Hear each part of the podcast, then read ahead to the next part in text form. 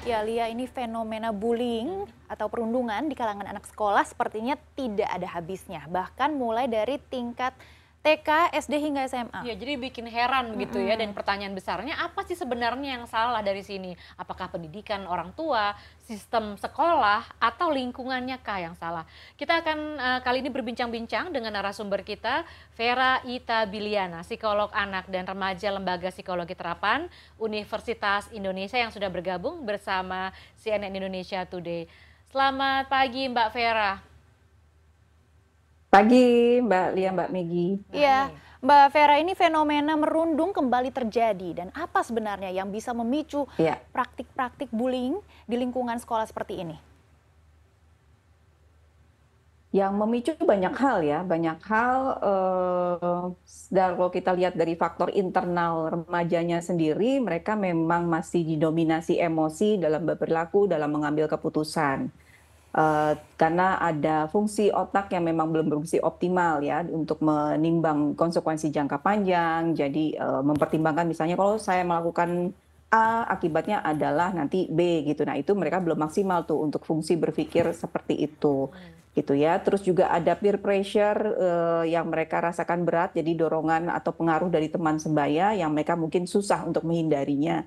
Nah, itu faktor internalnya. Kalau faktor eksternalnya banyak lebih banyak lagi gitu ya. Satu uh, kita bisa lihat uh, bagaimana pengasuhan atau penerapan nilai-nilai di dalam keluarga, terus bagaimana sekolah menyikapi tentang isu kekerasan ini, apakah ada uh, pengarahan secara, secara kontinu atau insidental saja yang berkaitan dengan bully khususnya gitu ya.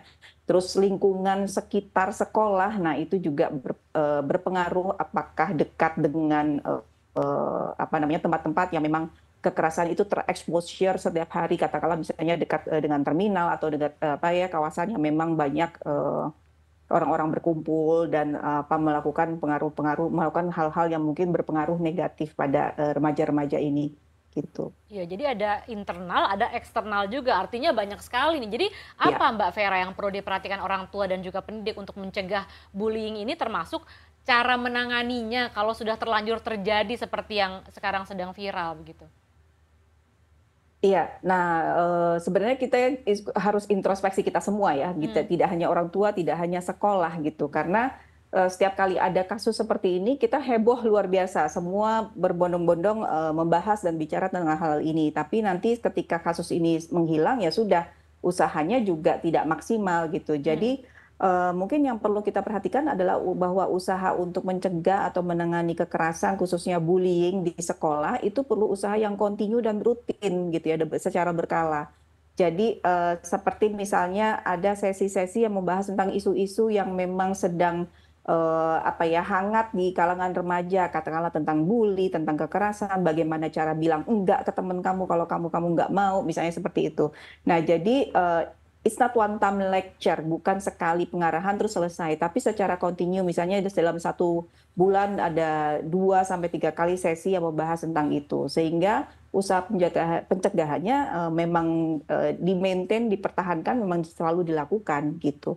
Begitupun dari uh, rumah ya, jadi ini ini perlu kerja bareng dari semua pihak Uh, mungkin saya mau menekankan bahwa kita sebenarnya sudah punya toolsnya bagaimana melakukan pencegahan dan penanganannya gitu ya. Tahun lalu itu ada Permendikbud nomor 48 yang kalau menurut saya itu cukup jelas dan rinci menjelaskan apa langkah-langkah yang harus dilakukan baik oleh sekolah maupun rumah gitu. Jadi dalam hal ini ada tim yang bekerja untuk mencegah dan menangani kekerasan di lingkungan satuan pendidikan dan isinya bukan hanya orang tua, bukan hanya sekolah eh, dalam arti guru dan kepala sekolah ya, tapi juga lingkungan masyarakat di sekitar sekolah, bisa RT RW, pemerintah kota, tokoh-tokoh masyarakat di mana lokasi eh, apa sekolah ini berlokasi.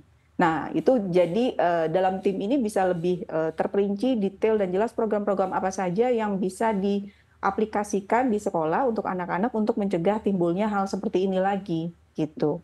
Dan perlu diingat juga kemarin kan juga banyak ya bahwa uh, perundungan ini ada legacy ya turun temurun gitu ya. Ini seniornya juga begitu, alumninya juga begitu. Nah ini juga harus dilakukan pemutusan mata rantai. Mungkin ada pendekatan terhadap alumni-alumni yang sudah uh, selesai sekolah di sana gitu ya, supaya tidak menurunkan ke adik-adiknya. Nah kalau perlu juga alumni juga masuk dalam tim tadi ya tim pencegahan dan penanganan kekerasan tadi. Sehingga ini benar-benar uh, pendekatannya untuk mencegah dan menghentikannya ini menyeluruh dari semua arah dan sentak semua bekerja sama. Seperti Baik. itu. Mungkin yang selama ini kita belum lakukan maksimal dalam segi itu.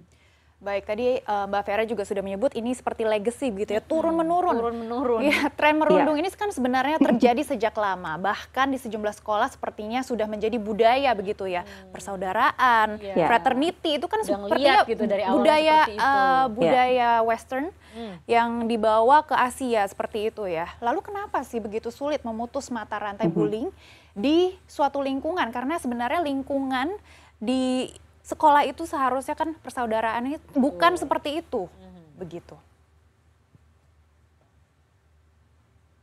Ya, jadi kan memang kalau dilihat sebenarnya apa uh, geng gitu ya, perkumpulan atau tadi fraternity gitu ya, jadi yang memang di luar negeri juga banyak misalnya perpeloncoan masuk kampus ada klub-klub tertentu yang mereka harus masuk kalau mau harus pelonco gitu ya. Hmm sebetulnya tidak sepenuhnya semua negatif gitu ya. Kalau nilai apa persahabatannya, setia kawannya, kerjasamanya, kekompakannya, terus apa kesenangan aktivitas kesenangan yang mereka lakukan bersama itu kan bisa jadi positif gitu ya menambah semangat belajar menambah semangat datang ke sekolah belajar e, berteman bersosialisasi. Tapi unsur kekerasannya itu yang kita nggak mau gitu ya. Bukan dalam arti oh, anak-anak nggak boleh berkelompok anak-anak nggak boleh bikin klub-klub gitu ya. Bukan berarti itu tapi nilai-nilainya value-nya itu tuh yang value kekerasannya itu yang kita harus hapuskan. Nah kita juga mesti perhatikan value kekerasan ini masuknya dari mana gitu ya Uh, kalau saya lihat ada beberapa jalurnya bisa masuk value kekerasan itu. Satu mau nggak mau kita mesti lihat dulu di dalam keluarga ya. Uh, sorry to say nih orang tua mungkin kena lagi nih jadinya ya. Apakah value kekerasan memang kental di dalam keluarga? Katakanlah misalnya value mungkin kita anggap remeh ya. Kayak seperti misalnya oh gak apa-apa biasa anak laki-laki berantem tonjok-tonjok dikit biar ke, biar tough lah dia gitu. Nah biar itu kuat, itu ya. hati-hati ya? dengan value seperti itu gitu ya. Ya biar kuat biar nggak cek Nah, itu hati-hati kan si anak akan membawa value itu keluar gitu ya ke, ke lingkungan pertemanannya. Nah, itu kan menjadi nilai di mana uh, dia berkumpul dengan teman-temannya. Nah, terus mesti dilihat lagi apa yang dikonsumsi si anak gitu ya. Uh, konsumsi maksudnya bukan makanan ya tapi tontonan apa yang dia dengar games apa yang dia mainkan nah, uh, value kekerasan bisa juga masuk ke situ contoh-contoh yang dia lihat di setiap hari dalam kesehariannya gitu ya nah itu juga bisa uh, apa namanya value kekerasan masuk ke situ gitu ya. Apakah dia biasa melihat memang keributan di tengah orang-orang gitu. Uh, nah jadi banyak hal. Jadi value termasuk juga dari alumni tadi gitu ya. Dari alumni yang memang oh saya juga begini kok dulu nggak apa-apa lah biar mereka tetap kompak biar merasa uh, tersakiti bareng-bareng. Nah itu kan pemikiran yang salah gitu ya.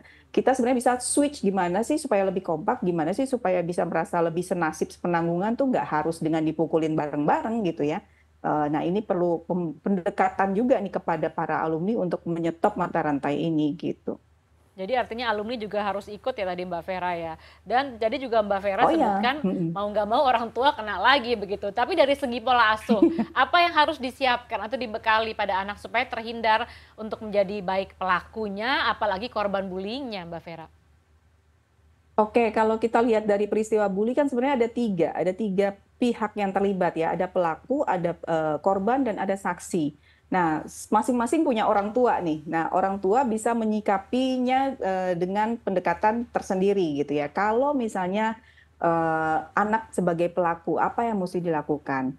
Yang pertama kalau menurut saya mungkin ya kendalikan emosi dulu sama ya membuka wawasan karena saya sering kali ketemu dengan orang tua pelaku yang nggak percaya bahwa anaknya jadi pelaku karena di rumah manis di rumah penurut gitu ya nggak pernah ada masalah gitu jadi orang tua masa iya sih? gitu ya. Ini apa korbannya kali yang memang salah gitu. Jadi ada denial gitu ya. Ada dalam hal ini ya perlu cross check kumpulkan informasi. Kalau memang ternyata faktanya anak benar pelaku ya harus diterima dengan logowo dan mendampingi si anak menjalani konsekuensi dari perbuatannya itu ya supaya dia bisa move on lebih baik gitu. Hmm. Jadi nah itu jadi pelaku. Kalau orang kalau korban, nah kalau korban ya juga perlu pengadilan emosi. Ya orang tua mana sih yang nggak nggak sedih, yang nggak hancur hatinya kalau anaknya disakiti eh, gitu ya.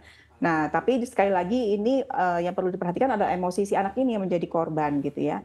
Uh, mengingat bahwa dia pernah merasa pernah berada dalam satu momen di mana dia merasa tidak berdaya, merasa tidak ada yang bisa membantu dia, menolong dia. Nah itu juga perlu diperhatikan. Gitu. Walaupun dalam kasus ini saya dengar kan anaknya memang suka rela ya untuk uh, untuk bergabung dengan geng itu. Nah, jadi eh, baik orang tua pelaku maupun orang tua korban perlu evaluasi lagi pengasuhan seperti apa yang selama ini sehingga membuat anak menjadi pelaku atau korban gitu ya. Nah untuk orang tua jadi yang jadi saksi juga nggak bisa lepas tangan gitu ya. Jadi nggak bisa nih orang tua yang anaknya jadi saksi, oh anak saya untung nggak ikut-ikutan, dia cuma lihat aja dari jauh. Nah tetap perlu ada yang dibahas gitu ya. Sebenarnya saksi itu adalah uh, juga mempunyai tanggung jawab untuk melakukan sesuatu untuk menghentikan bullying tersebut gitu ya. Jadi tanggung jawabnya dia juga ada. Jadi dia nggak bisa lepas tangan, apatis atau dia cuma bilang oh aku cuma ngompor-ngomporin tepuk tangan doang dari jauh misalnya kayak gitu. Nah itu tetap harus pembahasan gitu ya bahwa kalau kamu ikut ngompor-ngomporin ya kamu punya potensi untuk jadi pelaku nantinya gitu. Terus kalau kamu tidak peduli ya berarti kamu apatis gitu ya. Nah itu nggak bagus perkembangannya. Kamu harus punya empati, harus ikut ber, merasa bertanggung jawab untuk menghentikan bullying ini. Nah, nah apa yang bisa dilakukan sebagai saksi? Nah itu juga dibahas antara orang tua dan anak di rumah. Baik, ini sangat penting kita hmm. bisa gitu. mengendalikan emosi anak dan tentunya sebagai orang tua juga harus hmm. tetap membuka wawasan anak dan juga menerima. Jangan hmm. ada denial seperti itu ya. Kalau misalnya memang terjadi, kita harus tetap parenting yang baik dan juga mendampingi anak tersebut. Tentunya baik. agar lebih baik begitu ke depannya ya. Iya. Terima kasih Mbak ya. Vera sudah bergabung bersama kami di CNN Indonesia Today. Terima kasih, selamat pagi.